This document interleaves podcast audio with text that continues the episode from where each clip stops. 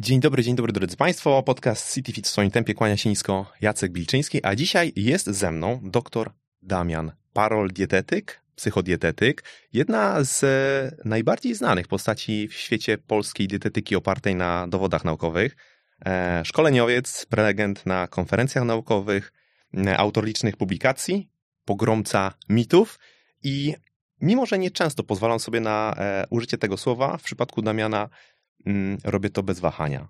Autorytet. Dla ogromnej rzeszy ludzi w tematach żywieniowych prawdziwy autorytet. Dzień dobry. Dzień dobry. Bardzo Ci dziękuję, Jacek, za takie powiedzenie. Czuję jakiś taki ciężar w związku z tym. Spokojnie, zaraz on spadnie. Że muszę dowieść ten autorytet, no ale bardzo, bardzo mi miło. E, co do tego nie mam najmniejszych wątpliwości. E, jestem przekonany, że, przekonany, że ludzie, którzy nas słuchają, tutaj się w dużej mierze ze mną e, zgodzą z tym, co, co powiedziałem. Więc dzisiaj, drodzy Państwo, będziemy rozmawiali o kontroli poboru pokarmu, o tym, jakie strategie zastosować, by zyskać przewagę w walce z głodem. Myślę, że w dużej mierze w kontekście odchudzania, bo bardzo często głód jest kojarzony właśnie z tą sytuacją, kiedy staramy się pozbyć dodatkowych kilogramów, kiedy jesteśmy w deficycie kalorycznym.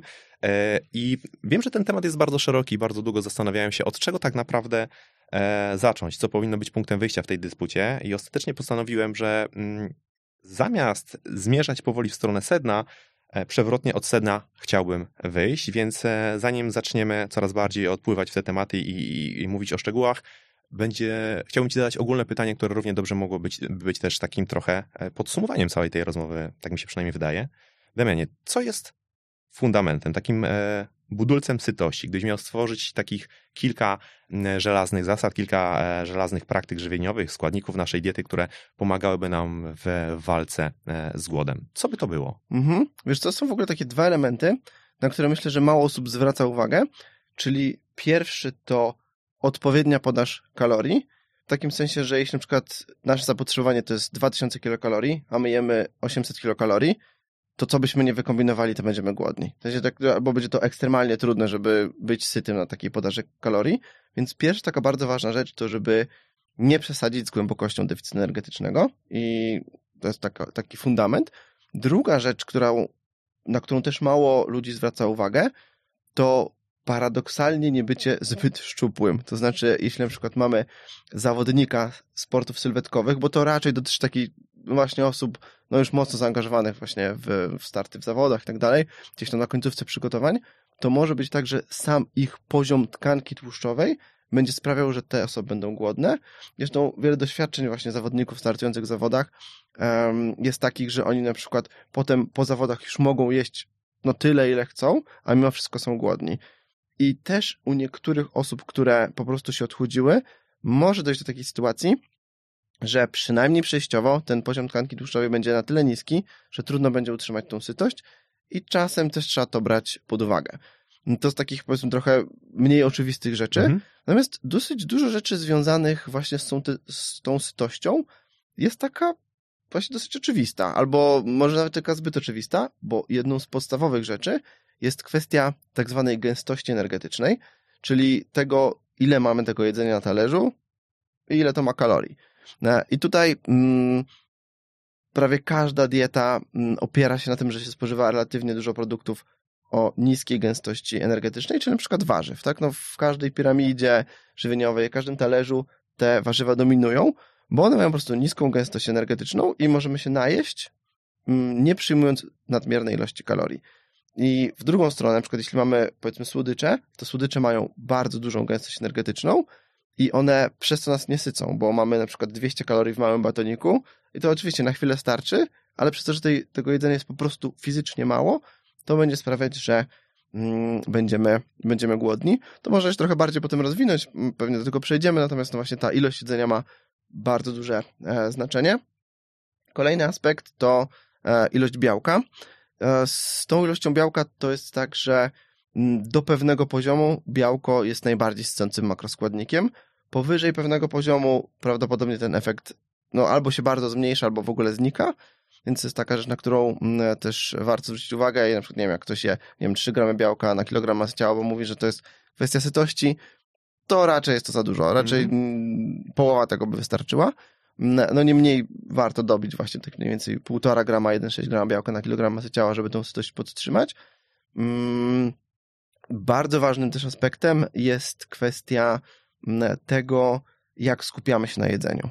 To jest coś, co w dzisiejszych czasach często kuleje. I tutaj pozdrawiam wszystkie osoby, które na przykład coś sobie jedzą, słuchając tego podcastu. Uważności to może życzymy. Być, tak, tak, życzymy więcej uważności do jedzenia, e, bo to ma duże znaczenie. E, I nawet właśnie słuchanie podcastu przy jedzeniu czegoś e, zmniejsza tą sytość, jaki ten posiłek wywołuje. I to jest też o tyle ciekawe, że mm, prawdopodobnie wpływ na ten posiłek, który my jemy, nie jest jeszcze aż tak duży, jak na ten następny posiłek. Okay. E, I, mm, I z drugiej strony na przykład, raz, że możemy się właśnie skupiać na jedzeniu i po prostu jeść ten posiłek uważnie, skupiając się najlepiej tylko na nim, a nawet są takie badania, w których ludziom pokazywano zdjęcia posiłków, które oni zjedli wcześniej i to istotnie wpływało na ilość kalorii, które oni zjedli w następnym posiłku. Okay. Tak, czyli takie przypomnienie sobie. To dzisiaj jest dosyć łatwe, tak? Mm. Robimy sobie zdjęcie posiłku e, i na przykład przed następnym posiłkiem sobie patrzymy na to zdjęcie. Oczywiście to jest taka strategia, mm, powiedziałbym, dosyć zaawansowana, ale na przykład właśnie dla zawodnika startującego w zawodach sylwetkowych, no gdzie ten głód może się pojawiać, no to tego typu podejście może mm, no, złagodzić po prostu mm -hmm. ten głód związany z mm, startem. No i ostatnią rzeczą jest aktywność fizyczna, która też ma tutaj spore, e, spore znaczenie. Natomiast to jest trochę bardziej skomplikowane, bo przynajmniej takie anegdotyczne dowody wskazują na to, że niektóre osoby robią się bardziej głodne po niektórych, po, po niektórych rodzajach treningu, mhm. szczególnie o takiej średniej intensywności. Mm, I no i to może być tak, że na przykład niektóre rodzaje treningu będą pobudzać nasz apetyt. Mm, do tego też na przykład trening, który jest prowadzony w zimnej temperaturze, czyli zazwyczaj jest to basen, tak, Jasne. bo mm, no też może być to bieganie zimą, no ale to można zazwyczaj się dobrze ubrać i tak dalej, no to trochę to można rozwiązać. No ale basen na przykład jest takim, się mówi często, że woda wyciąga, nie? -hmm. I że właśnie to zwiększa uczucie, uczucie głodu. No ale z drugiej strony są też aktywności fizyczne, które ewidentnie hamują apetyt, na przykład te wysoko na intensywne interwałowe treningi. Mm, no, interwały przynajmniej kiedyś były bardzo modne, nie wiem, czy teraz są aż tak modne jak były, te wszystkie hity i tak dalej. Mm, ich prawdopodobnie największą zaletą było to, że one hamowały bardzo łaknienie.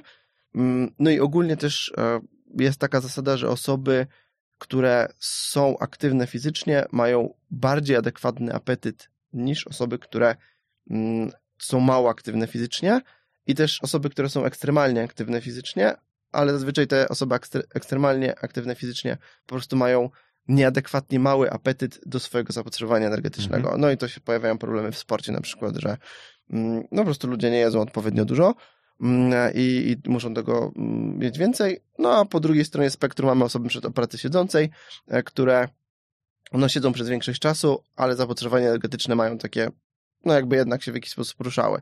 No i zwiększaniem tej aktywności fizycznej możemy to tak trochę wyrównać i mieć bardziej adekwatne te mechanizmy związane z sytością. Okej, okay, no czyli gdybyśmy to tak chcieli trochę zebrać do kupy, takie podsumowanie, które pojawiło się na, na początku naszej rozmowy, to byłoby e, nie przesadzanie ze zbyt dużym deficytem kalorycznym, e, no, poziom tkanki tłuszczowej, odpowiedni poziom tkanki tłuszczowej, gęstość energetyczna diety, proteiny, mhm. proteiny w naszym, w naszym jedzeniu, na które warto byłoby również zwrócić uwagę, o tym też sobie na pewno porozmawiamy. Uważność w jedzeniu i to też jest na pewno taki punkt, do którego gdzieś tu jeszcze, jeszcze wrócę. E, no i aktywność fizyczna. W tym momencie mówimy po prostu szeroko jako, jako taki punkt, aktywność fizyczna. Tak, i w sumie jeden punkt mi jeszcze przyszedł do głowy, o którym zapomniałem, no to kwestia snu, oczywiście. Jeśli jesteśmy niewyspani, to jemy więcej. I to jest taka złota zasada, i zresztą wiele osób mówi tak, że o, dzisiaj nie wyspałem, jestem głodny. No i są badania, które pokazują, że Mm, słabo przespana noc to może być nawet 300 kalorii, czy nawet do 400 bodajże e, więcej mm, spożytych w ciągu dnia. No co na przykład nam, jeśli ktoś się odchudza, to zje nam to deficyt energetyczny mm -hmm. zazwyczaj. Te wybory też się stają trochę mniej racjonalne pod wpływem takiej nieprzespanej e, mm, Tak, nocy. może być, że nasza ta silna wola, na której tak nie polecam za bardzo bazować, to, ale też taka, taka trochę dygresja, może być znacznie, znacznie słabsza mm -hmm. niż no dobrze, no to, to, teraz w takim razie spróbujmy rozłożyć to trochę na takie e, substraty, zaczynając od, od tych składowych żywieniowych. E, czy liczba posiłków ma znaczenie? Bo to jest coś, o czym często, często się mówi, że więcej znaczy lepiej. Mhm. Na pewno nie jest tak, że czym więcej posiłków, tym lepiej pod kątem kontroli sytości. Mm, ale też jakby w drugą stronę nie jest raczej tak, że stosowanie, nie wiem, jednego czy dwóch posiłków dziennie jest w większości przypadków optymalne. Czy tutaj to trzeba wypośrodkować? Mm, I zazwyczaj między 3 a 4 posiłki dziennie będzie najlepiej działać w kontekście sytości. Że to będzie po prostu optymalna, e, optymalna ilość, aczkolwiek to może być mm, indywidualne i może być też uwarunkowane mm, no, pewnymi takimi zmiennymi jak nasza aktywność fizyczna. Na przykład redukujący masę ciała bardzo aktywny sportowiec, on może mimo wszystko musi przejść 5 posiłków dziennie, bo nie będzie w stanie przejść na jed przy jednej okazji po prostu odpowiedniej ilości kalorii. No i ta ilość posiłków wtedy będzie, e, będzie większa. Z drugiej strony też prawdopodobnie właśnie jeden czy dwa posiłki dziennie nie są optymalne z punktu widzenia sytości, ale niektórym osobom to może czasem pasować. No jeden to jest powiedzmy raczej ekstremum, nie? W sensie takim, że trudno mi sobie wyobrazić taką praktyczną sytuację, w której mm, no, pakujemy wszystkie kalorie w jeden posiłek mm-hmm. i to mhm. jest z jakiegoś powodu optymalne. Ale jeśli chodzi o dwa posiłki, no to może być tak na przykład, że mamy kogoś, kto już no, dosyć długo redukuje, to zapotrzebowanie energetyczne nie jest zbyt duże, rozkłada się tam to jakoś w miarę dobrze na dwa posiłki dziennie i na przykład opłaca się, nie wiem, pominąć śniadanie i na przykład zjeść obiad i kolację, Mm, I to jest łatwiejsze niż to złożyć na trzy mhm. posiłki. Mm -hmm. Więc mm, generalnie między 3 a 4, ale jest to dosyć indywidualne i będzie to zależeć właśnie od pewnych takich e, uwarunkowań, które mm, no mogą być właśnie no indywidualne, zależy tak. od jakichś poszczególnych, mm, poszczególnych aspektów. Natomiast właśnie u większości osób między 3 a 4 na pewno nie kombinując, żeby tych posiłków było jak najwięcej, bo to się dzieje prosta rzecz. Jeśli na przykład mamy tą samą ilość kalorii rozłożoną na 5 posiłków, no to każdy z tych posiłków jest mniej energetyczny i może być tak, że zaczynamy ten posiłek, jeszcze się najedliśmy, a ten posiłek się już dawno skończył i mm, to jest po prostu frustrujące. Mhm. I nawet może lepiej jest poczuć gdzieś tam między tymi posiłkami jakiś tam głód, chwileczkę sobie z tym dyskomfortem poradzić, ale potem zjeść porządny posiłek, mm, niż e, no tak cały czas być takim niedojedzonym. Takim półgłodnym. Tak. Takim półgłodnym, dobrze.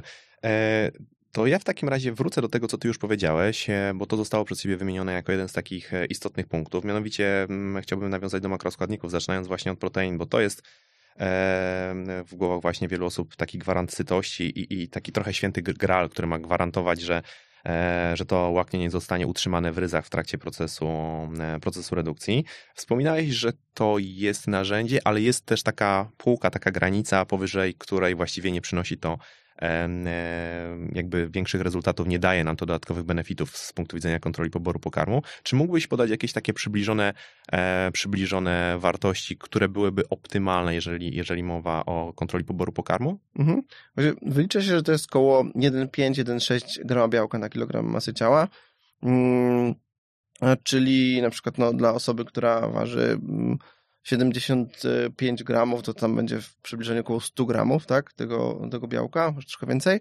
Mm, I e, no i to jest taka ilość, którą się uznaje, że jest optymalna z punktu mm -hmm. widzenia sytości, a powyżej tego poziomu nie ma mm, dodawanie białka prostu nie podnosi tej sytości. Nie jakby tak samo sycącym makroskładnikiem jak na przykład węglowodany. Mm -hmm. I mm, to wynika prawdopodobnie z tego, że nasz organizm dąży do pewnej ilości białka jako zabezpieczenie swoich potrzeb e, związanych z budowaniem białek, generalnie, tak, nie tylko masy mięśniowej, no, ale też na przykład mm, organów i tak dalej. No i mm, jest gotowy mm, zrobić to kosztem nadmiernej podaży energii, po to, żeby doprowadzić do odpowiedniej ilości spożytego białka. A jak dojdziemy do tego pułapu, no to organizm mówi, tak w cudzysłowie oczywiście, no to mam tutaj luz z tym, nie ma potrzeby jakby nasilać tego apetytu po to, żeby mm. zwiększać podaż tego, tego białka.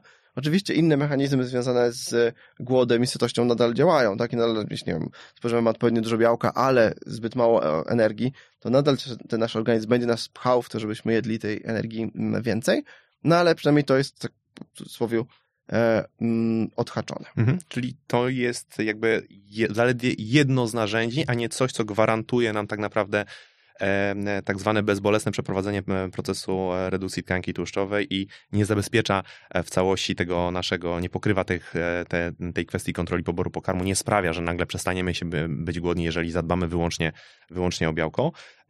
Ja bym chciał też jeszcze naszych słuchaczy ewentualnie odesłać, ponieważ u Damiana na przykład na Facebooku jest taki materiał dotyczący dźwigni białkowej. Jest bardzo fajnie właśnie to pokazane, tłumaczysz to na, to na wykresach. To między innymi u ciebie na, na, na Facebooku jest, więc można sobie do tego sięgnąć i to jest pewnie jakimś tam rozwinięciem tego tematu w trochę może nawet bardziej obrazowy sposób. To, to, to można tam zobaczyć. Natomiast y, skoro poruszyliśmy temat protein, to ja bym chciał też e, dotknąć innych makroskładników i może zapytam w ten sposób, czy dieta ketogeniczna daje dodatkowe benefity, jeżeli chodzi o kontrolę poboru pokarmu, a zmierzam właściwie do tego, że dieta ketogeniczna kojarzy się przede wszystkim z wysokim spożyciem tłuszczów, więc e, tak wprost chciałbym zapytać, czy co syci bardziej, węglowodany czy, czy tłuszcze, bo jeszcze do niedawna to była chyba taka oś dyskusji i pole wielu e, bitew w internecie. Mhm. No to mm, to jest troszkę mm, takie właśnie trochę bardziej skomplikowane niż się to czasem przedstawia, bo generalnie węglowodany sycą bardziej niż tłuszcze, natomiast dieta ketogenna nadal może mieć korzyści z punktu widzenia sytości, mm, dlatego że same ciała ketonowe po prostu hamują łaknienie. E, więc e, o ile jesteśmy na takiej przeciętnej diecie, no to raczej nam się opłaca jeść więcej węglowodanów, tak nadal dieta ketogenna może być pewnym narzędziem do tego, żeby tą mm, sytość e, poprawić w niektórych przypadkach, choć trzeba też sobie zdawać sprawę, że kwestia samej sytości nie jest jedynym powodem, dla którego my jemy. Tak, to nie jest tak, że my jemy tylko i wyłącznie tylko, że jesteśmy głodni. Można po prostu zwyczajnie czegoś brakować. No i na przykład co z tego, że jesteśmy na keto, jesteśmy super najedzeni, skoro nam się na przykład ten chlebek marzy i mm. byśmy zjedli jakiś makaron czy coś takiego, mm, no i cały czas nam to chodzi po głowie. No to nic z tej sytości. I to jest właśnie pułapka diety ketogennej, że są osoby, którym to będzie super pasować i one będą jadły mm, tak właśnie ketogennie tłusto i, i będzie im to pasować, będą poniżej swojego zapotrzebowania energetycznego, będą chudnąć i zadziała to dobrze. No a są takie osoby, które nawet będą syte, no ale cały czas tam w głowie będzie ten, ten makaronik, chlebek czy, czy cokolwiek innego no, chodziło po głowie czasem to też ma takie potem konsekwencje, że takie osoby na przykład kończą tą dietę ketogenną, no i zaczynają się rzucać na przykład na produkty, których nie mogą jeść, mm, albo czasem jest tak nawet jeszcze gorzej, że zostają przy takich nawykach, gdzie jadły dosyć tłusto, a do tego dorzucają węglowodany. I to też jest niedobre. Dlatego ja nie jestem generalnie zwolennikiem diety ketogennej, bo nie wierzę, że da się utrzymać tak w perspektywie całego życia, a może ona budować negatywne nawyki żywieniowe, których no, które potem się staną niepraktyczne, tak? W sensie mhm. takim to, ten nawyk jedzenia tłusto może po prostu nam gdzieś mm, w przyszłości po prostu um, szkodzić, no a raczej nie utrzyma właśnie tej diety w dłuższej perspektywie, bo gdybyśmy ją utrzymali w dłuższej perspektywie, to jeszcze byłoby by spoko. Mhm. No ale niestety w tym, w tym kontekście mm, nie.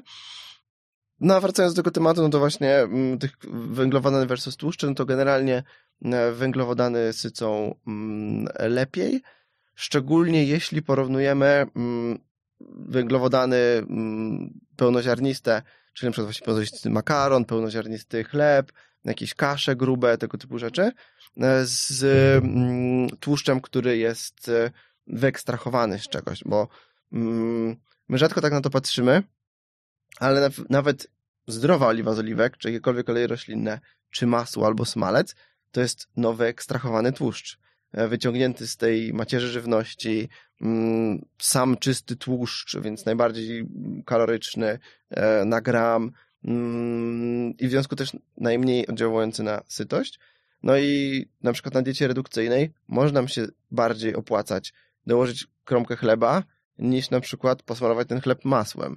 Mm, albo bardziej nam się opłaca dać trochę więcej kaszy, niż nawet trochę więcej oliwy, bo ta objętość jedzenia będzie większa, to się będzie dłużej trawić i będziemy dłużej nasyceni. Mhm. To też właśnie wracamy poniekąd trochę e, do tej gęstości energetycznej, tak? Jeżeli porównamy węglowodany, produkty wysokowęglowodanowe do produktów wysokotłuszczowych, tak jak wspomniałeś, no tutaj to będzie bardzo istotna różnica, ale pytałem też trochę o to dlatego, bo mm, jest, e, przynajmniej mnie się tak wydaje, może to jest błędna obserwacja, jest wiele osób, która właśnie zachłyśnięta e, tym, że, że dieta ketogeniczna ma dawać sytość, próbuje właśnie wejść w nie swoje buty i dopasować się do modelu żywienia, który tak naprawdę nie do końca jest e, dla nich, bo nie odpowiada ich, ich preferencjom i, i to jest właśnie to, o czym mówiłeś, że marzy się później ten chleb, ten, e, to pieczywo, te, te, te bułeczki i inne rzeczy, które są wysokowęglowodanowe i tak naprawdę to budzi większą frustrację i ostatecznie kończy się to e, często niezbyt przyjemnie. Tak, wiesz co, tutaj ci wejdę na chwilę właśnie tak słowo, że to jedna rzecz, że my możemy chcieć, a też druga rzecz, że my funkcjonujemy w społeczeństwie. No i mamy na przykład rodzinę, która wcale nie musi być na keto. Oczywiście może, ale nie musi. Mm, chodzimy na jakieś przyjęcia. No i są takie osoby, które są na tyle asertywne, że one mają gdzieś, one nie zjedzą, zjedzą swoje. No, słyszałem historię osób, które brały pudełka z ryżem i kurczakiem na wesele na przykład Aha. czyjeś i potrafiły to jeść na czyimś weselu.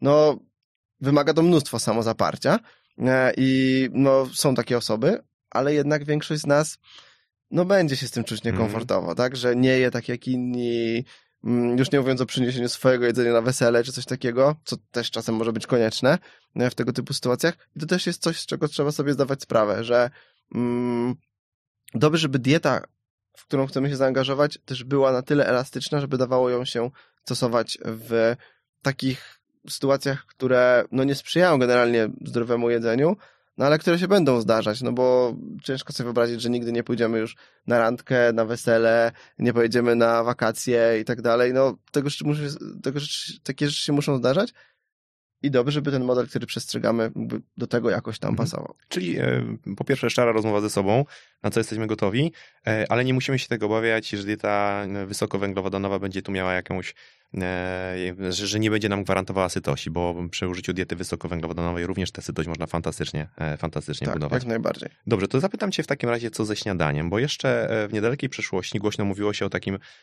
o takich praktykach, o takim modelu carb loading, w mhm. którym to no, zresztą popularyzatorzy często przypisywali w tym praktykom ponadprzeciętne właściwości również w kontekście hamowania głodu. Ja chciałbym się odnieść w dużej mierze do tego śniadania, bo ponieważ tam było śniadanie białkowo-tłuszczowe, zwykle jakaś skromna pula węglowodanów przesunięta e, na wieczorną porę. E, czy to ma znaczenie? Pytam o śniadanie i pytam o te, to połączenie białkowo-tłuszczowe. Wspominaliśmy przed chwilą o diecie ketogenicznej o tłuszczach, ale być może w, e, nie wiem, śniadanie białkowo-tłuszczowe ma jakiś, ma jakiś wybitny potencjał i, i warto byłoby się tym zainteresować. Mhm. Moim zdaniem, jeśli chodzi o śniadanie białkowo-tłuszczowe, to siłą śniadania białkowo-tłuszczowego jest białko w nim. Mhm. W sensie takim, że jeśli przed ktoś jadł jakąś tam owsiankę na wodzie albo z drobiną mleka i tym było malutko białka, a potem zaczął jeść na przykład jajka, czy jakiś kawałek mm, mięsa, e, czy jakieś, czy jakieś ryby, czy twarogu i zaczął jeść po prostu więcej białka, to oczywiście, że on był bardziej syty po takim śniadaniu i mm, takie śniadanie z punktu widzenia redukcji masy ciała było dużo lepsze. Natomiast no nie jest tak, że wykluczenie węglowodanów czy dodanie tłuszczu to coś zmieniło, tylko właśnie zwiększenie ilości białka. I to samo można zrobić po prostu jedząc nadal węglowodany. Czyli możemy na przykład zjeść jajecznicę, no ale dorzucimy do tego pieczywo jakiejś tam ilości. I nadal to będzie tak samo scące śniadanie, e, jak śniadanie, które, mm, mm, które będzie białkowo-tłuszczowe. Zresztą jest kilka takich badań, które to porównywały no z nich generalnie wynika, że właśnie dodanie tego białka do śniadania sprzyja sytości, poprawia generalnie kontrolę diety i to jest dobry pomysł, ale niekoniecznie trzeba ucinać e, węglowodany.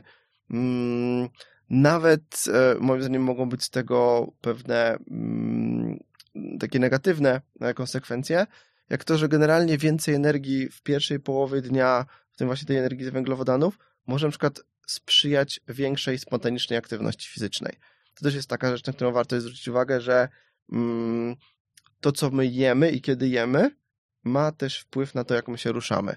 I to nie tylko pod kątem treningowym, no bo no generalnie zakładamy, że trening jest tak trochę mm, na sztywno już zrobiony, tak. tak? No mamy jakąś jednostkę treningową do zrobienia, No oczywiście, no jak jesteśmy, nie wiem, wygłodniali jakoś albo przejedzeni czy coś takiego, no ta jednostka może wyjść gorzej, no ale raczej zakładamy, że ona jest jakoś tam zgodnie z planem wychodzi.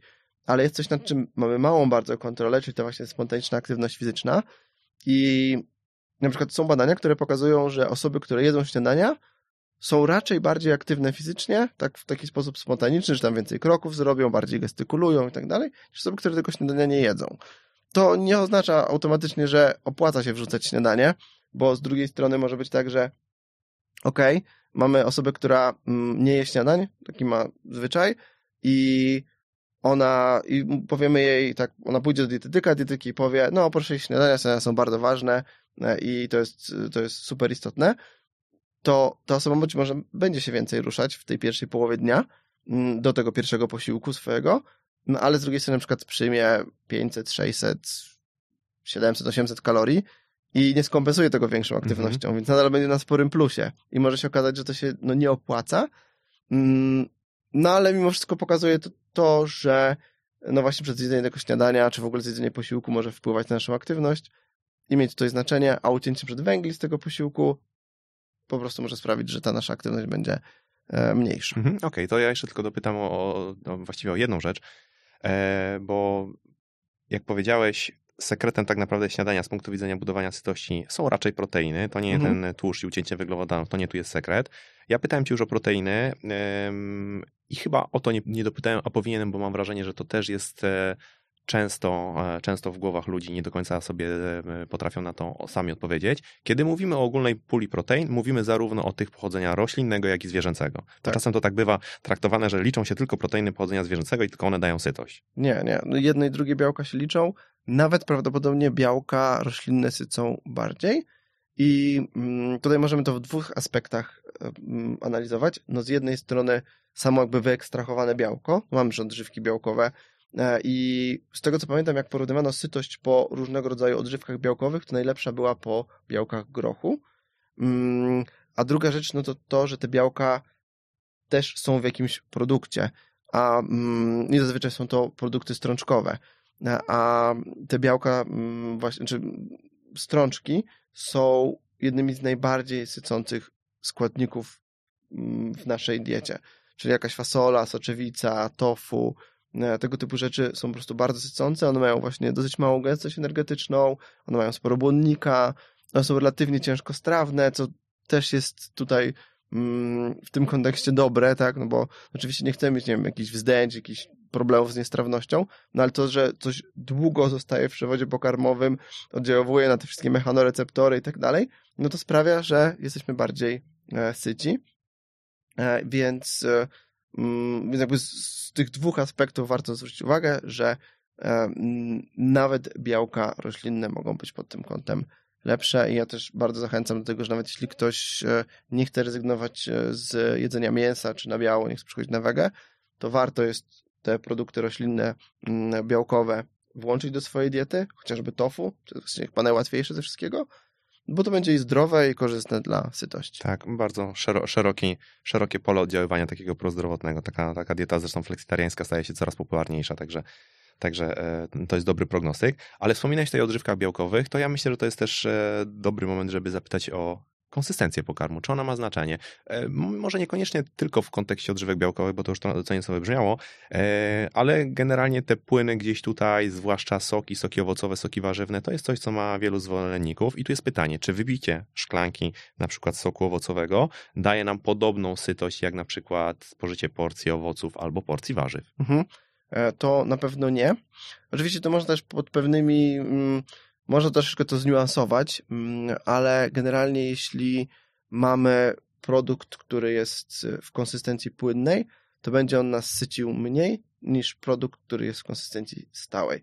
Czyli jeśli byśmy na przykład, a tym bardziej jeśli wyciśniemy sok z tego, bo mm, jeśli na przykład wyciśniemy sobie tam, nie wiem, z pięć pomarańczy i wypijemy z tego sok, no to nie nasyci nas to za bardzo i też pozbawimy się dużej ilości błonnika z tych pomarańczy. Ale jak zjemy te pomarańcze, pięć pomarańczy na przykład, no to będziemy naprawdę bardzo najedzeni.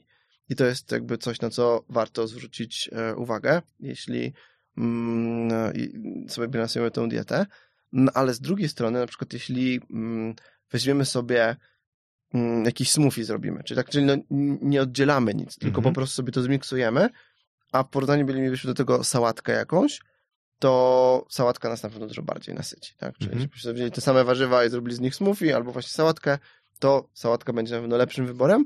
No nie chcę powiedzieć, że smoothie są czymś złym, albo że należy ich za wszelką cenę unikać, mm, bo ja nie wiem, swoim pacjentom rozpisuję tego typu rzeczy i czasem oni też, e, czasem sam też takie smoothie sobie zrobię, mm, ale trzeba mieć tego świadomość, że no na przykład jeśli jesteśmy bardzo głodni, mamy problem z utrzymaniem tego bilansu energetycznego, no to raczej lepszym wyborem będzie, będzie sałatka i raczej należy w to pójść niż w takie, e, w takie smoothie. No już nie mówiąc o wyciskaniu, tak, czyli właśnie jeśli wyciskamy jakiś sok z owoców, to będzie on mniej sycący i, mm, i o ile raczej mm, soki, przynajmniej w takich umiarkowanych ilościach czy małych ilościach, nie sprzyjają mm, wzrostowi masy ciała, tak raczej też nie sprzyjają jego spadkowi w przeciwieństwie do, e, do owoców. Mhm. A to też jest taka trochę pułapka, mam wrażenie, bo przynajmniej em, ja dostrzegam takie zjawisko, że soki i diety sokowe mają swoich zwolenników, którzy przypisują im różne e, cudowne, oczyszczająco, odchudzająco, rewitalizujące właściwości. To, jest taka trochę pułapka jakiegoś takiego kolorowego sloganu i pewnej, myślę, pewnej łatwości schematu, polegającego na tym, że teraz jestem na diecie sokowej i, i, i, i dzięki temu uzyskam super, e, super benefity. E, Wprawdzie my tu już w podcaście o tym rozmawialiśmy, ale nigdy nie, nie, nie podejmowaliśmy tematu właśnie kontroli poboru pokarmu, więc mamy Mhm. jakiś taki e, dodatkowy czynnik, który warto rozważyć, czyli soki nie będą nadawały takiej samej sytości, jak to ma miejsce w przypadku, w przypadku owoców na przykład, albo warzyw. Tak. Słuchacie podcastu sieci fitness CityFit. Dobrze, a co zatem z takimi strategiami, e, które polegają na tym, że przed właściwym posiłkiem wprowadzamy e, przekąskę? Przekąskę taką jak na przykład owoc, jak zupa, albo coś na przykład zupełnie bezkalorycznego, jak Mhm. na przykład szklanka czy dwie szklanki wody. Czy to rzeczywiście sprzyja spożyciu mniejszej ilości kalorii e, w kolejnym posiłku i to jest coś, e, z czego warto korzystać, czy niekoniecznie? Mhm. Mm, Te, to są tak zwane preloady. Mhm. E, Jest kilka badań na ten temat i rzeczywiście to może mieć, e, to może być korzystne. Moim zdaniem w praktyce to jest szczególnie dobre, jeśli mm, gdzieś wychodzimy. Mhm. Bo ja raczej, na przykład jak nie wiem, pracuję z pacjentami i rozpisuję posiłki, to raczej z tego nie korzystam, bo jestem w stanie tak zaprojektować posiłek, żeby on był sycący, no niezależnie od tego. Mm, ale jeśli na przykład ktoś wychodzi do, nie wiem, do restauracji, coś zjeść i tak dalej, to żeby no, ten wstępny głód zabić, sobie jakby też podjąć lepsze decyzje, wybierając coś w tej restauracji, no to przy takiej jabłka, albo wypicie odżywki białkowej, albo wypicie wody, albo wypicie napoju słodzonego słodzikami. To się trochę śmieje właśnie ten i pozdrawiamy Arka Matrasa, Tak? który... Z aspartamem? tak, z aspartamem, bo Arek Matras e, w ostatnim odcinku, czy nie, to nie ostatnim, ale tam parę Tak, odcinków temu tak. powiedział, że e, as- aspartam jest zdrowszy niż miód, a teraz wyszła ta opinia, e, czy wychodzi opinia Tak. WHO, która ma sugerować, że on jest, że może być rakotwórczy. E, no ale no właśnie, jeśli chodzi o sytość, no to te napoje słodzikami i być może szczególnie aspartamem, to ciekawe, działają tutaj mm, korzystnie i nawet korzystniej niż woda. O proszę. Tak, bo mm, tutaj z strony, że jak mamy wodę, no to mamy po prostu wodę. To nam mechanicznie po prostu wypełnia żołądek i jesteśmy bardziej najedzeni, ale jeśli mamy słodzik, to mamy też ten słodki smak. I mamy to nasycenie słodkiego smaku, mniej się po prostu nam chce zjeść czegoś słodkiego. I są badania, które pokazują, że wypicie właśnie na przykład takiej szklanki napoju słodzonego słodzikiem przed posiłkiem działa lepiej niż wypicie szklanki wody. Więc jest to, jest to korzyść i też jakby trochę nawiązując do tych kwestii związanych z rzekomą mm, kancerogennością aspartamu, to nawet gdyby się okazało, że rzeczywiście on sprzyja nowotworom, co moim zdaniem jest raczej mało prawdopodobne, to może być tak, że jeśli dzięki temu schudniemy, to i tak sobie znacznie zmniejszymy ryzyko nowotworów, bo otyłość jest bardzo ważnym czynnikiem ryzyka wielu nowotworów e, i, i mimo wszystko coś za coś może być tak, że nam się to opłaci. To jest to, co, o czym rozmawialiśmy na tak zwanym przedanteniu, że trzeba mieć e, e, trochę szerszą perspektywę i umieć to wyważyć, bo czasem ten bilans zysków i strat no, daje nam trochę, trochę inny później obraz, jeżeli to sobie faktycznie, faktycznie zestawimy. Czyli jak mówisz o e, wodzie tak zwanej z dodatkiem substancji słodzącej, na Mhm. przykład aspartamu, to popularne napoje typu zero mogłyby się tu całkiem nieźle sprawdzić. Tak, mogłoby się sprawdzić pod tym kontekst, e, w tym kontekście i moim zdaniem jest to całkiem dobra strategia, szczególnie na wyjściach, Mhm. tak? Czyli wychodzimy sobie gdzieś, to na przykład przed posiłkiem sobie zamawiamy taką kolę zero, żeby, mm, żeby się tam wstępnie nasycić. Do tego są też bąbelki, które też trochę będą ten e, żołądek nam rozpychać i, mm, i łatwiej nam będzie po prostu nie zjeść zbyt dużo kalorii gdzieś tam właśnie na randce w restauracji i tak dalej. Okej, no dobrze. E, Albo zamówić sobie jakiś, jakąś może przystawkę w postaci porcji warzyw. Jeżeli jest taka możliwość, to też może Tak, być tak. e, całkiem przyzwoitym prawdopodobnie rozwiązaniem. Mm, I bardzo fajną rzeczą, tylko ona jest niestety rzadko dostępna, ale mm, jeśli jest taka możliwość, to warto z tego skorzystać, to zupy o wyraźnym smaku umami, O. czyli na przykład zupa miso.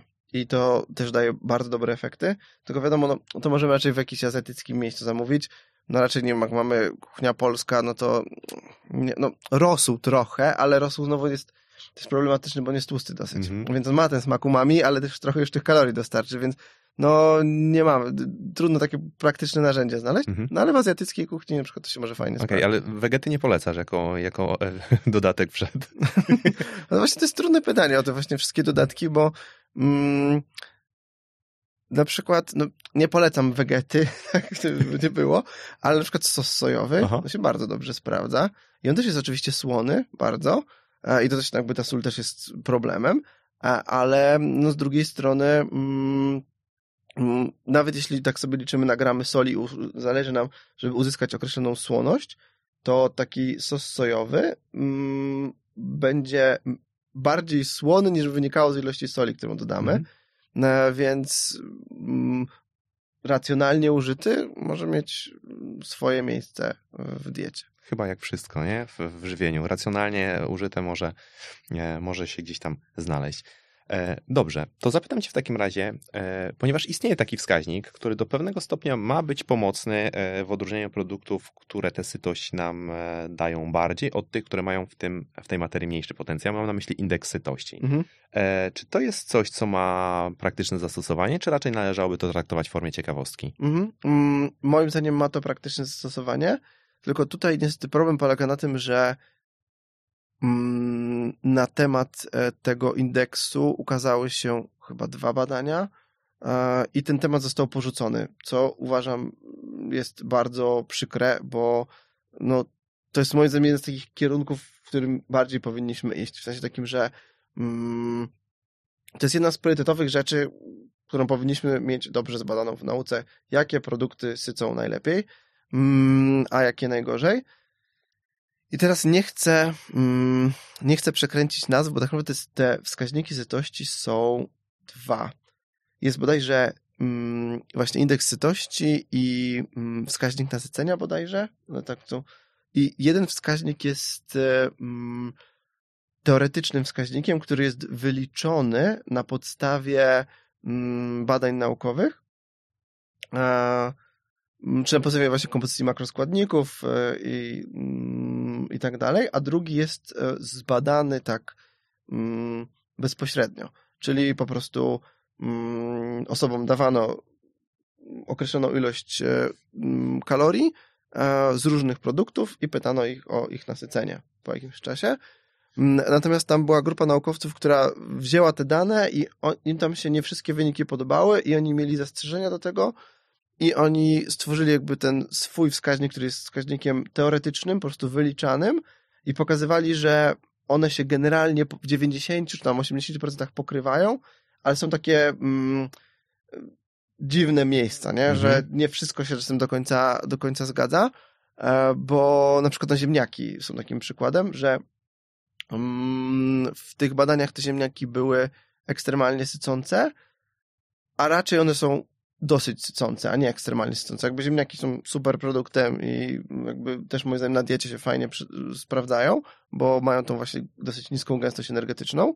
Mm, Natomiast nieprawdopodobnie aż tak, jak mm, to mm, pokazano w jednej z tych prac, co wynika z tego, że e, prawdopodobnie one były podawane odgrzewane w mikrofalówce. Mhm. Więc ta ich smakowitość była mniejsza. One prawdopodobnie były takie trochę suche. Okej. Mm, Być może trochę się wytworzyło w nich skrobi opornej, która też wpływa na, na sytość, to jest taki rodzaj błonnika, no, więc, więc są tutaj takie, takie niuanse. Mm, Natomiast e, no generalnie jest to coś, na co warto moim zdaniem spojrzeć.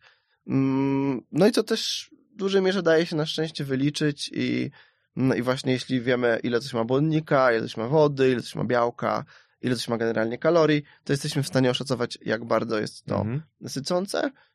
W dużej mierze się to sprowadza do ilości błonnika i mm, gęstości energetycznej. Tak są takie dwa aspekty, które mają tutaj kluczowe znaczenie. Więc, więc znowu wracamy do tej gęstości energetycznej. Ja nawet kiedyś napisałem taki tekst, że gęstość energetyczna to jest najbanalniejsza prawda dietetyki, bo to jest takie, dla mnie aż takie aż zbyt oczywiste, ale to jednak mnóstwo rzeczy do tego wraca, nie? że potem się okazuje, że Tak. ta ilość tego jedzenia na talerzu ma ogromne znaczenie i, mm, i ma po prostu wpływ na to, jak jesteśmy bardzo najedzeni. Okej, to ja zadam takie pytanie, bo to akurat tutaj gdzieś między słowami u ciebie wybrzmiało i tak sobie pomyślałem, że może też e, warto o to, e, o to zapytać.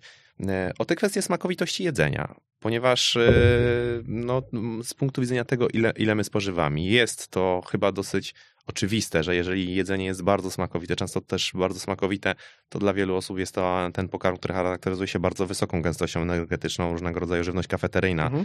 e, jest taką żywnością smakowitą, ale czy to też jest jakiś taki czynnik, na który podczas ewentualnie diety redukcyjnej warto byłoby uważać albo do pewnego stopnia chociaż to wyważyć, żeby Mhm. to jedzenie nie było nadmiernie smakowite?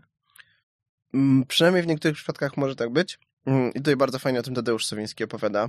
E, On opowiadał mm, o badaniu, w którym jest bardzo stare badanie, w którym e, na oddziale metabolicznym zamykano osoby z nadwagą e, i osoby o prawidłowej masie ciała i podawano im mm, taką be, bezsmakową papkę, która miała tam witaminy, składniki mineralne, odpowiednią ilość białka, błonnika i tak dalej, ale była takim kisielem. I te osoby mogły z tego korzystać ile chciały. E, I co było bardzo ciekawe, to osoby, które mm, miały prawidłową masę ciała, spożywały z tego bezsmakowego kisielu mniej więcej tyle kalorii, ile potrzebowały. A osoby z nadmierną masą ciała spożywały tego mm, kisielu mm, zdecydowanie mniej tych kalorii i chudły dzięki temu. E, I tutaj pozwala nam dojść do takiej hipotezy, że przynajmniej u niektórych osób ta smakowitość jedzenia ma bardzo duży wpływ na to, ile tego zjedzą.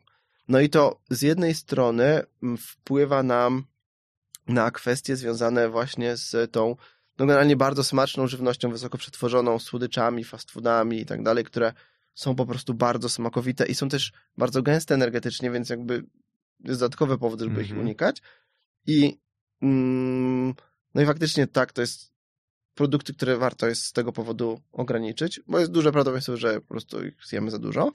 Mm, No a z drugiej strony, jeśli mm, redukujemy masę ciała, to może być tak, że jedzenie nawet zdrowych, ale zbyt smakowitych posiłków, takich, no taką sobie robimy jakąś eksplozję smaku, dodamy właśnie tej wegety Mhm. dużo na przykład, to może być tak, że będziemy tego jednak mieć tendencję zjadać za dużo, choć moim zdaniem to jest do pewnego stopnia indywidualne. To znaczy są osoby, które na przykład zjedzą taki posiłek bardzo smakowity, jedzą go tyle, ile trzeba i powiedzą, że super, że się najadły, jest, był super posiłek, a są takie osoby, które będą łazić wtedy i żeby zjadły jeszcze więcej i, i trochę to trzeba ocenić samemu, do której tej e, kategorii osób e, się e, zaliczamy.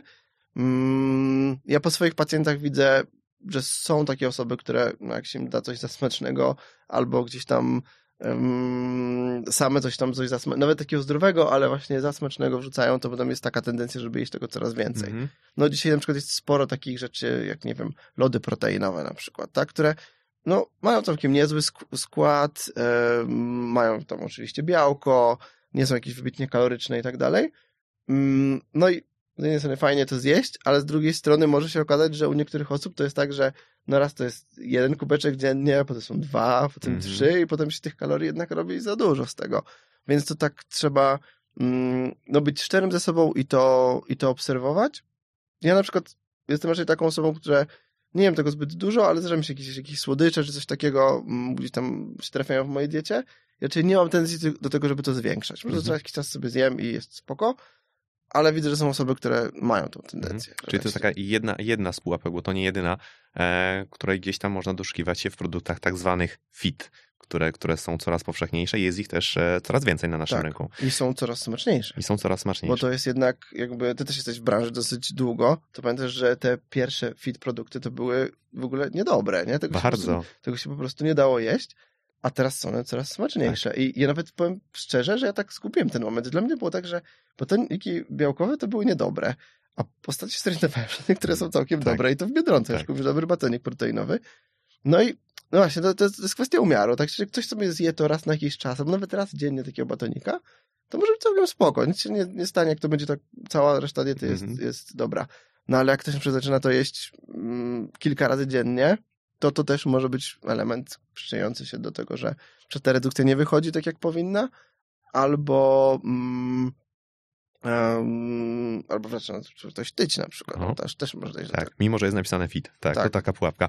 Dobra, to wiesz co, jeszcze mam takie pytanie, które teraz mi się zrodziło, bo e, właściwie na początku tej rozmowy mówiliśmy o niskim poziomie tkanki tłuszczowej jako takim czynniku, który, który ma istotne znaczenie i będzie wpływał na tą kontrolę poboru pokarmu. Teraz wspominałeś o badaniu, gdzie porównywano osoby o prawidłowej masie ciała i osoby, które miały nadmiarową masę ciała. E, I to właściwie pytanie chyba powinno być takim trochę taką klamrą, która będzie dotyczyła całego tego odcinka. Właściwie odpowiedź na to pytanie. Czy mechanizmy kontroli głodu i sytości działają tak samo u osób o prawidłowej masie ciała, jak i u osób, które mają e, na przykład otyłość, czy niekoniecznie? Mm, przynajmniej w niektórych przypadkach te mechanizmy zaczynają zawodzić. Mhm. E, przynajmniej w niektórych przypadkach i mamy na przykład to pojęcie leptynooporności. Mm, Pewnie jakby większość z ludzi kojarzy insulinooporność, tak, czyli sytuację, w której komórki przestają reagować na insulinę.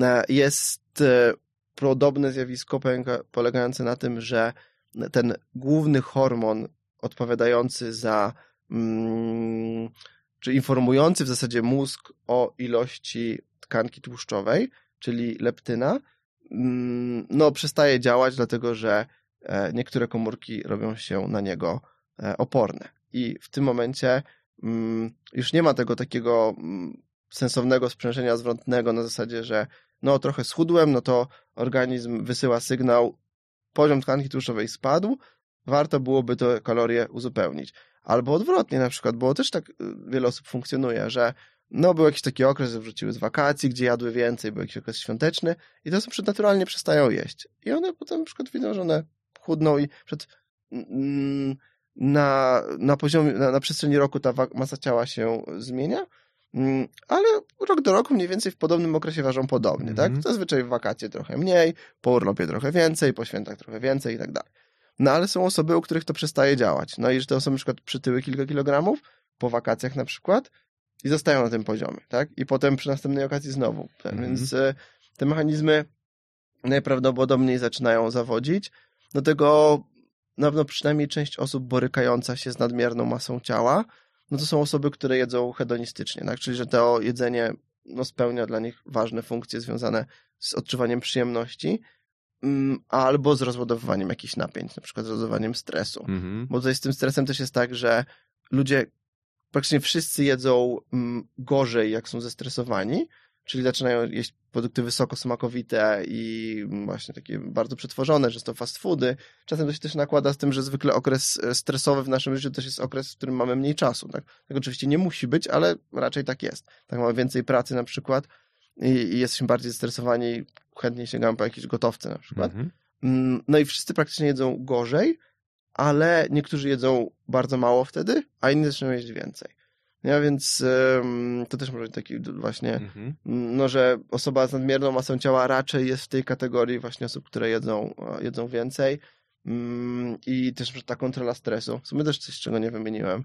Em, ale to jest takie moim zdaniem najtrudniejsze do, mm, do zaproponowania czegoś, tak? No bo to proszę się nie stresować, tak? tak. No, super Uniwersalna porada, rada, nie? z którą nikt nie wie, co ma tak, zrobić. ale no jest trochę narzędzi na, do radzenia sobie z tym Tak. stresem, ale to są trochę wychodzi właśnie też poza moje kompetencje, tak? Bo Mhm. ja tak trochę wolę to psychologom zostawić, no ale są pewne narzędzia, po które warto sięgnąć, czasem nawet po psychoterapię na przykład, bo może być tak, że na przykład potrzebujemy coś tam sobie przepracować, czasem jakieś ćwiczenia oddechowe, czasem jakieś relaksacje, a czasem nawet znalezienie na przykład jakiejś rozrywki w życiu, która nie jest jedzeniem. Mhm. Ja też często jak rozmawiam z pacjentami, to, to mówię czymś takim, że mm, może być tak, że na przykład w twoim życiu to jest jakby główna rozrywka jedynie, tak? No bo jest jakaś tam praca, szkoła, dzieci, inne obowiązki. No i w sumie ta kolacja, często z osobą bliską na przykład, no jest takim jedynym momentem dnia, kiedy się można zrelaksować, albo jakieś oglądanie filmów i jakieś przekąski, nie? I to się taki bardzo silnie wiąże.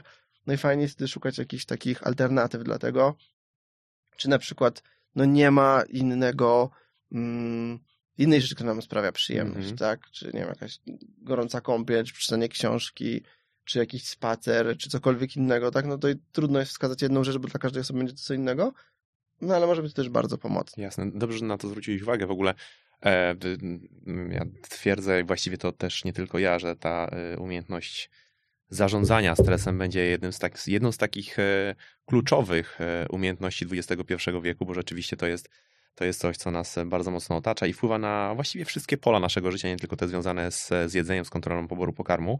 I e, skoro już gdzieś tam dotknąłeś tych, tych elementów psychologicznych, ja chciałbym trochę porozmawiać o składowych naszej codzienności, które są no, troszkę inne niż dieta i, i, żywienie, a wciąż wpływają na kontrolę poboru pokarmu.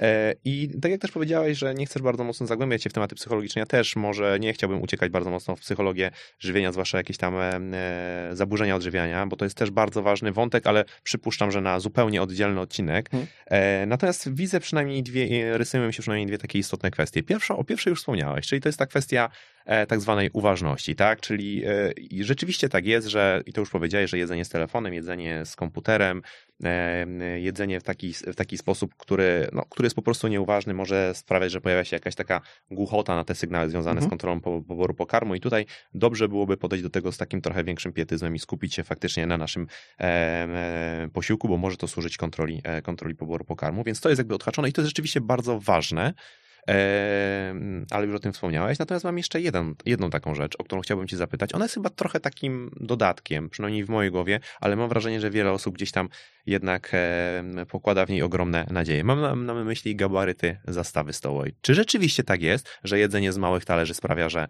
że e, się bardziej najadamy, czy niekoniecznie? Mm, to dodać dobre pytanie, bo były kiedyś takie badania, które coś takiego mm, sugerowały.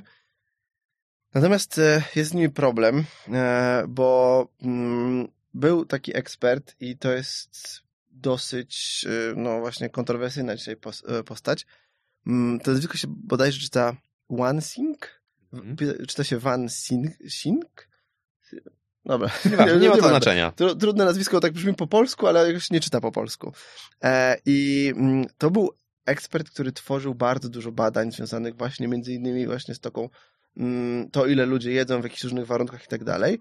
E, on napisał też taką książkę, którą chyba mi zdarzyło kiedyś polecić, e, to Beztroskie jedzenie, gdzie popisuje dużo ciekawych takich rzeczy, ale potem zaczęło wychodzić, że on w tych swoich pracach ściemniał, w sensie, że on manipulował tymi danymi i tak dalej e, i była z tego bardzo duża afera. I jest taka praca, która zestawia te, te publikacje związane z tym, jaka jest wielkość tego talerza e, i jak to wpływa na pobór pokarmu. I te wyniki były niejednoznaczne. Tylko, że mniej więcej połowa prac to były jego prace, a mhm. połowa to były innych badaczy. Jego prace wskazywały, że to ma znaczenie, a inne prace wskazywały, że to nie ma znaczenia. Więc jeśli uznamy, że jego prace nie były wiarygodne, a inne prace pokazywały, że to nie ma znaczenia, to wydaje się, że nie. Mhm. To wydaje się, że nie ma to istotnego wpływu. Z drugiej strony, no, wydaje się to w miarę logiczne, nie? Że, że jak mamy duży talerz, na tym talerzu jest mm, tylko tam, nie wiem, kilka produktów, no to jednak to optycznie to wpływa i, i ma to jakieś tam, e, i ma to jakieś, e, jakieś znaczenie, więc może to mieć jakiś, jakiś wpływ, ale raczej nie ma dobrych danych, które by to potwierdzały. Raczej nie jest to też jakaś taka rzecz, na której warto byłoby się skupić. Mm, też raczej z tym się wiąże, bo też była potem taka dalej koncepcja, że kolor talerza ma znaczenie. Mm -hmm. No i to też raczej nie jest prawda, bo to, to jego prace na to wskazywały okay. i, i, mm, no i raczej nie jest to coś, na czym należy jakoś bardzo, bardzo się opierać i mm, raczej nie jest to istotne. Okej, okay, czyli nie ma sobie co tym, tym właściwie nie. głowy zawratać. Możemy Jeżeli, jeżeli chcemy mieć e, spokojną tak zwaną głowę, możemy jeść z tych małych talerzy, mogą mieć kolor niebieski albo, albo jakiś inny, ale, ale nie należy pokładać w tym bardzo wielkiej nadziei. Tak, choć z drugiej strony też jakby to, na co warto zwrócić uwagę, to że mm, porcjowanie produktów praktycznie na pewno ma znaczenie. W sensie takim, że jeśli na przykład mamy e, słodycze w małych paczkach, Mhm.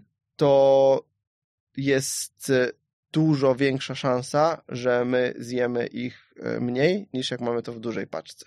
E, I to nawet nie chodzi tak stricte o dostępność, bo to oczywiście też, tak no jak mamy całą paczkę M&M'sów, no to, my ją wyzerujemy, jak mamy mało, no to zjemy ją też całą, tak? Tak. no i ma mniej kalorii, ale jakbyśmy powiedzmy trzy małe, to jest też duża szansa, że się zatrzymamy, że będzie taki po prostu mm, no naturalny taki mm, znacznik, tak, Mhm. że no dobra, to już jedną paczkę zjadłem, następna zostaje na, na jutro, nie? A nie tak, że na, a to już sam sobie jednego wezmę, Okej. nie? I tak po tym po jednym to można zjeść e, Tak. wszystkie zupełnie, więc to, to na pewno to pewno ma znaczenie.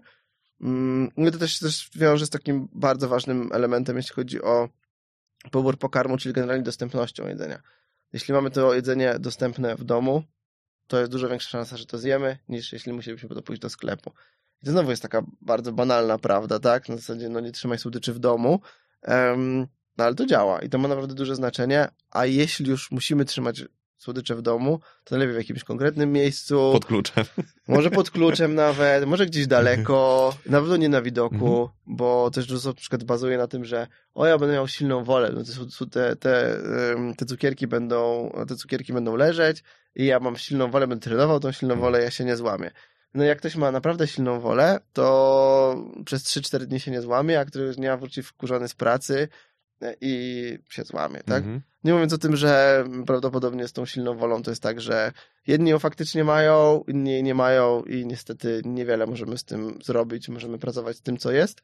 No ale z drugiej strony jest sporo takich narzędzi, gdzie możemy tą, ten, to, to znaczenie silnej woli zmniejszać. No Mhm. na przykład mm, nie na widoku zostawić. Okej, jasne. Dobrze, to też e, no, to, co powiedziałeś, to trochę obecne czasy e, temu nie sprzyjają XXI wiek, bo jeżeli wejdziemy do sklepu, to prawdopodobnie e, w lepszej promocji kupimy większą paczkę, e, bo się to po prostu bardziej opłaca i to jest też taka pułapka, w którą ludzie bardzo często e, wpadają, a jest taniej, to lepiej kupić więcej, no i to później tak czy owak, tak jak powiedziałeś, w którym momencie zostanie wyzerowane, wcześniej czy później i może to sprzyjać też e, przejadaniu zwiększaniu ilości spożywanych kalorii po prostu. Mało tego, dzisiaj już nie musimy po fast fooda iść.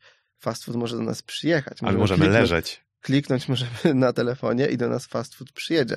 I to jest oczywiście jakby kolejna bariera, która jest zdjęta, co się oczywiście bardzo opłaca firmie, która te fast foody produkuje i sprzedaje, e, ale no nie bardzo nam sprzyja, no bo e, jednak myślę, że mniej znacznie osób chodzi do restauracji fast food, niż sobie to e, chodzi i zamawia, tak. Tak. Bo to jakby jedno z drugim się jedno drugiego nie wyklucza, tak? To prawda. No wiesz co, ja myślę, że generalnie przynajmniej z mojej perspektywy, tak jak też powiedziałem, nie chciałem bardzo mocno zagłębiać się w tematy e, tej psychologii odżywiania i ja bym tu chętnie postawił kropkę, chyba że ty czujesz, to zostawiam ci takie, takie, takie otwarte pytanie, że z punktu widzenia takiej psychologii odżywiania jest jeszcze coś, na co warto byłoby bardzo mocno zwrócić uwagę, albo wręcz odwrotnie, jakiś kierunek, jakieś praktyki, które mogą być gwoździem do trumny, jeżeli chodzi o, o, o właśnie o takie kontrolę łaknienia z punktu widzenia psychologicznego. Jeżeli czujesz, że coś takiego chciałbyś dodać, to proszę, jeżeli nie, to po prostu e, pójdziemy w ten ostatni e, wątek, który uważam, że też jest dosyć istotny. Mhm. Czy co, może tak nie wchodząc jakoś bardzo w szczegóły, ale to na ile możemy to kształtowanie tego naszego środowiska najbliższego, bo wiadomo, że nasze środowisko to jest też sklep, w którym kupujemy fast food, który jest blisko i tak dalej, ale tego środowiska w domu, żeby Mhm. ono było jak najbardziej sprzyjające zdrowym nawykom, tak? Czyli trzymamy zdrowe produkty w domu, najlepiej na widoku, łatwo dostępne i mamy jakiś zapas po prostu zdrowych produkt, produktów, które chcemy jeść, a produkty, które są dla nas niekorzystne, których nie chcemy jeść, to staramy się ich nie trzymać w domu, a jak je trzymamy, to w jakimś konkretnym miejscu, gdzieś skitrane, tak, Mhm. żeby, żeby jak najmniej, jak najmniej kusiły i, mm, i staramy się to środowisko, na ile to jest możliwe, e, kształtować e, korzystnie mm, i, i n- narażać się jak na najmniej pokus, a z drugiej strony sprawiać, że zdrowa dieta będzie jak najłatwiejsza. Okej, no to też na pewno e, kształtowanie takich, e, tego jest łatwiejsze, kiedy w tym uczestniczy cała rodzina w budowaniu tych nawyków i nie jest tak, że tylko jedna osoba e, w rodzinie chce odżywiać się zdrowo, a reszta ma to gdzieś tam w poważaniu, no bo wtedy rzeczywiście to środowisko już nawet z takiej, z takiej perspektywy Mhm. wtedy jest bardzo, bardzo mało sprzyjające. Dobra, to postawmy tutaj kropkę. E, Chciałbym właściwie wrócić, e, to chyba będzie tylko krótkie powtórzenie tego, co powiedziałeś, bo to zaznaczyłeś, że jest jednym z istotnych elementów.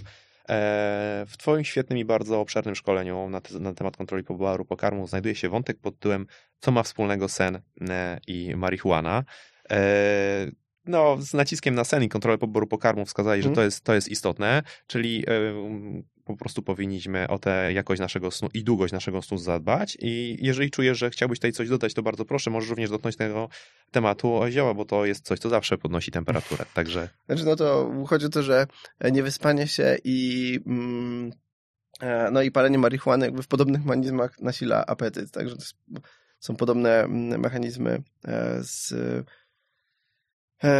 na takim poziomie cząsteczkowym. Mhm. Natomiast e, mm, tutaj z naszego punktu widzenia najważniejsze jest to, że mm, niedobór snu e, i w mniejszym stopniu, ale również taki sen nieregularny, bo to się będzie wiązało z jakością. Tak? No, Mhm. sen jest najlepszy, jeśli zawsze się kładziemy o tej samej porze i zawsze z grubsza o tej samej porze wstajemy, tak? Co też nie zawsze jest praktykowane i zawsze jest możliwe. Mhm.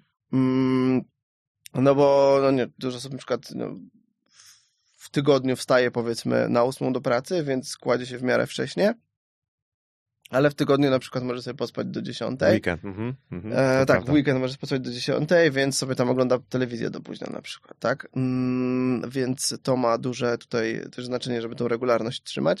No ale najważniejsza jest ilość tego snu e, i jeśli jesteśmy permanentnie niedos- niedospani, śpimy mniej niż te 7-6 godzin, no to nasz pobór pokarmu będzie, e, będzie większy Mm, i no i to może doprowadzić do mm, e, nadmiernej masy ciała. Część osób sobie tak trochę życzeniowo myśli, że no dobra, ale skoro ja na przykład e, tą godzinę nawet mniej czy dwie śpię, ale w tym czasie na przykład jestem aktywny fizycznie albo po prostu zużywam więcej kalorii, bo nie śpię, no to ja sobie to skompensuję. Niestety tak nie działa, bo rzeczywiście trochę więcej kalorii ktoś może spalić dzięki temu, że nie będzie spał lub nawet, nie wiem, przeznaczyć tą godzinę snu na bieganie czy coś Mhm. takiego, ale raczej ten bilans nie wyjdzie na zero. W sensie, że i tak prawdopodobnie przeje więcej kalorii niż, e, mm, niż powinien. I na przykład mm, moim zdaniem taka porada, że w, nie wiem, wstajesz 5.30 i idziesz biegać, mm, żeby schudnąć, może być w wielu przypadkach kontrproduktywna. W Mhm. takim sensie, że oczywiście jeśli mamy osobę, która się położyła o 21.30 i o 5.30 wstanie pobiegać, to spoko. Ale jak mamy osobę, która się położy po północy i o 5.30 wstanie pobiegać, to naprawdę lepiej, żeby ta osoba tą godzinkę więcej pospała, niż żeby biegała, bo ten sen będzie tutaj miał dużo większe znaczenie. Już nawet nie mówiąc o takim mm, możliwości utrzymania tego w czasie, bo, bo to też jest druga rzecz, że wstawać o 5.30 po 5 godzinach snu, to mało kto jest w stanie w to wytrwać, tak czysto psychologicznie. No, ale nawet zakładamy, że ktoś będzie w stanie wytrwać, no to, e, to i tak prawdopodobnie ten pobór pokarmu będzie po prostu suma summarum większy i no, będzie raczej niekorzystny dla naszego zdrowia. Mm, Nie zawsze jest to dobra, e, dobra Mhm. porada. Wstawanie o 5.30 jest spoko, jak kładziemy się spać o Mhm. 21.30. To jest, tak jak to mówiłeś, to e, od razu mi się tak w głowie przypomniało i zacząłem się uśmiechać. E, Takie liczne, motywacyjne wypowiedzi właśnie ludzi, gdzie to wstawanie gdzieś tam czwarta, piąta ma być źródłem sukcesu i gwarantować dobrobyt, szczęście, zdrowie i w ogóle w ogóle wszystko, Tak, wszystko co to, najlepsze. Tam, to, to robią biedni, to robią, Tak, to robią bogaci. Mniej więcej tak, mniej Tak, więcej to tak. To jest w ogóle, to jest w ogóle ciekawa taka dyskusja, że często my patrzymy na te takie właśnie bardzo zewnętrzne rzeczy i na te rzeczy, które e, już się wydarzyły, tak? Że patrzymy na ludzi, którzy osiągnęli sukces i oni robią określone rzeczy, tak? No nie wiem, inwestują pieniądze, tak? No biedni nie inwestują pieniędzy, bo ich nie mają, nie? No, to nie jest jakieś bardzo skomplikowane. Tak, tak. No ale to już tak zupełnie inny Tak, temat. To, to prawda, to prawda. E, dobrze, o, o śnie padły, padły dwa słowa. E, wspominałeś tu również o, no chociaż, chociaż, chociaż w, w kilku zdaniach o, o tej kwestii e, używek. A gdybyśmy zeszli na grunt substancji, które są, do których dostęp jest mniej ograniczony i, i, i bardziej lega, legalny. Mam na myśli e, alkohol, bo takie Mhm. trochę empiryczne doświadczenie podpowiada, że, że procenty nasilają głód. Tak, nasilają e, i mm, nasilają i jednocześnie też e, no, zmniejszają te mechanizmy obronne, tak? No, zmniejszają Kontroli. naszą silną, silną wolę. No, mm, o ile na przykład ktoś y, ma jakiś tam cel, tak, redukuje masę ciała, czuje się wieczorem trochę, trochę głodny, ale mówi, dobra, no nie, mm, nie zjem tej, tego dodatkowego posiłku, tak, mam, mam zawody, mam jakiś tam imprezę, do której Mhm. chcę, chcę schudnąć i tak dalej, wytrzyma, tak po dwóch czy trzech drinkach to jest raczej bardzo mało prawdopodobne. No nie mówiąc o tym, że alkohol też jest kaloryczny, tak? Alkohol ma 7 e, kilokalorii w jednym gramie. To jest całkiem sporo. To jest prawie tyle, co tłuszcze. Mhm. Dodatkowo alkohol rzadko jest spożywany sam, tak? No jak mamy piwo, to mamy też w nim węglowodany. Wino, no zależy jakie, tak? No bo są takie, które nie mają prawie kalorii, są takie, które mają dodatkowo też po prostu cukier, są drinki, które może być już mega kaloryczne, nie? A obok drinków bardzo często coś się pojawia, tak? Bo jak się idzie na imprezę, to zwykle tam nie są sałatki Tak. warzywne, tylko są na przykład orzeszki solone Na do przykład. piwa. Tak, no i to fajnie pasuje, nie? I tych kalorii po prostu można zjeść wtedy więcej. Mm, I jest to też na pewno taki, taki czynnik, który będzie nam tą dietę trochę tutaj, tutaj sabotował. W ogóle też mm, tak trochę przechodząc taki klimat mm, imprez i, i weekendów, to moim zdaniem bardzo ważnym elementem sabotującym nam dietę no są weekendy właśnie. Mhm. W sensie takim, że wiele osób trzyma tą dietę od poniedziałku do piątku, do południa, albo po południu, tak? A potem jest jakieś piwo, żeby się rozluźnić, do tego jakiś tam burger, do tego coś i, i potem tych kalorii się robi po prostu za dużo. Mm, Ja też uważam, że wszystko jest dla ludzi, tak? W sensie da się piwo i burgera wkomponować w dietę, no ale jak sobie wyobrażamy, że przebolujemy cały weekend i odrobimy to w tygodniu, to niestety mam złą wiadomość, to się raczej nie uda, tak? Możemy sobie na jeden wieczór trochę odpuścić, ale jak odpuścimy na cały weekend, to raczej nie ma szans, żebyśmy byli w Mhm. stanie zredukować masę ciała w, w ciągu tygodnia. No, to też jest trochę taki, taka pułapka, bo wiele ludzi nie doszacowuje ilości spożywanych kalorii. Nawet jeżeli to jest cały weekend, to wydaje mi się, że to jednak jest trochę mniej niż jest w rzeczywistości, więc e, to, to też jest coś, w co można wpaść, takie sidła. Jakby wziąć kartkę i policzyć, rzeczywiście to spisać, to mogłoby się na końcu tego tygodnia, w, w niedzielę wieczorem em, okazać, że jednak tych kalorii jest dwa albo trzy razy więcej niż nam się wydawało. Tak, zdecydowanie tak. Szczególnie, że są takie produkty, których dosyć często, trudno jest oszacować e, kaloryczność, no, bo no nie wiemy, ile ma na przykład burger, który jemy w, jeszcze w takim fast foodzie sieciowym, to oni tam mają te tabele, nich można wywnioskować, że teoretycznie te dane są bardzo dokładne, mm, ale pojawiały się sugestie, że one mogą być niedoszacowywane. Mm, Natomiast jak idziemy sobie na jakiegoś takiego burgera mm, rzemieślniczego gdzieś tak dalej, to nie wiemy tak naprawdę, no, ile tych kalorii jest i, i ja bym przyjmował zawsze, że sporo, e, że tego, tego jest dużo, tego jakieś tam frytki dojdą i tak dalej, no to jest tego, no, tego dużo i się okaże po prostu, że tych kalorii jest naprawdę, naprawdę sporo, nie wszystko też zapamiętamy. Mm, No i też pułapką tego jest to, że dużo osób myśli na tym, ten temat tak bardzo rynkowo, na zasadzie, że dobra, w sobotę sobie przybalowałem, aż sobota się kończy i te kalorie, nie wiem, się zniknęły, nie? No ale jak na przykład przyjęliśmy dwa razy za swoje zapotrzebowanie, to to się nadal liczy, nie? Tak. W sensie, to nie jest tak, że ten dzień się zamknął i koniec, nie? No, no jednak nadrobiliśmy tych kalorii zdecydowanie za dużo i może być tak, że będziemy musieli to tydzień odrabiać, nie? Deficyt całego tygodnia przejedzony e, jednego dnia u kolegi na imprezie na grillu. Tak, to się może niestety zdarzyć. Mhm. Dobrze, Damian, e, mówiłeś e, o kwestiach aktywności, więc e, wspominałeś tam o tym, że wysiłki o charakterze interwałowym mogą wpływać na, na korzystnie na kontrolę poboru pokarmu. E, Natomiast mam jeszcze takie pytanie, bo możemy w takim razie tę kwestię aktywności gdzieś tutaj zostawić, chyba że chciałbyś tam Mhm. coś, e, coś dodać do tego. Natomiast ja mam takie pytanie, jedno już z ostatnich. Czy na twojej, e, bo myślę, że to jest ciekawe dla, dla wielu ludzi, pewnie tutaj upatrują wielkich, wielkich możliwości i spektakularnych rezultatów. Czy na twojej jakiejś takiej prywatnej liście suplementów są jakieś takie, które są godne uwagi, które pozwoliłyby trochę ten głód zakuć w dyby i sprawiły, że na przykład, nie wiem, sytość w trakcie posiłku się szybciej pojawi albo między posiłkami będzie dłużej utrzymywana? Mhm.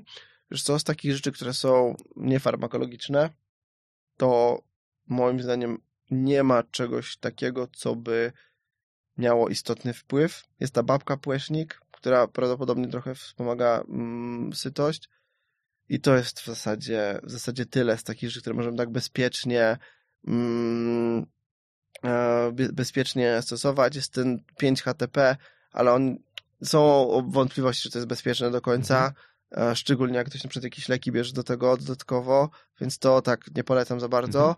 E, No są oczywiście, nie wiem, te analogii e, GLP-1 teraz, Mhm. ale no to są substancje, mm, które są na receptę, Tak. więc e, one są skuteczne, no ale nie w takim repertuarze dietetyka czy osoby po prostu Mhm. redukującej, mm, redukującej masę ciała, więc ja bym nie polegał na tym, nie polegał na tym za bardzo.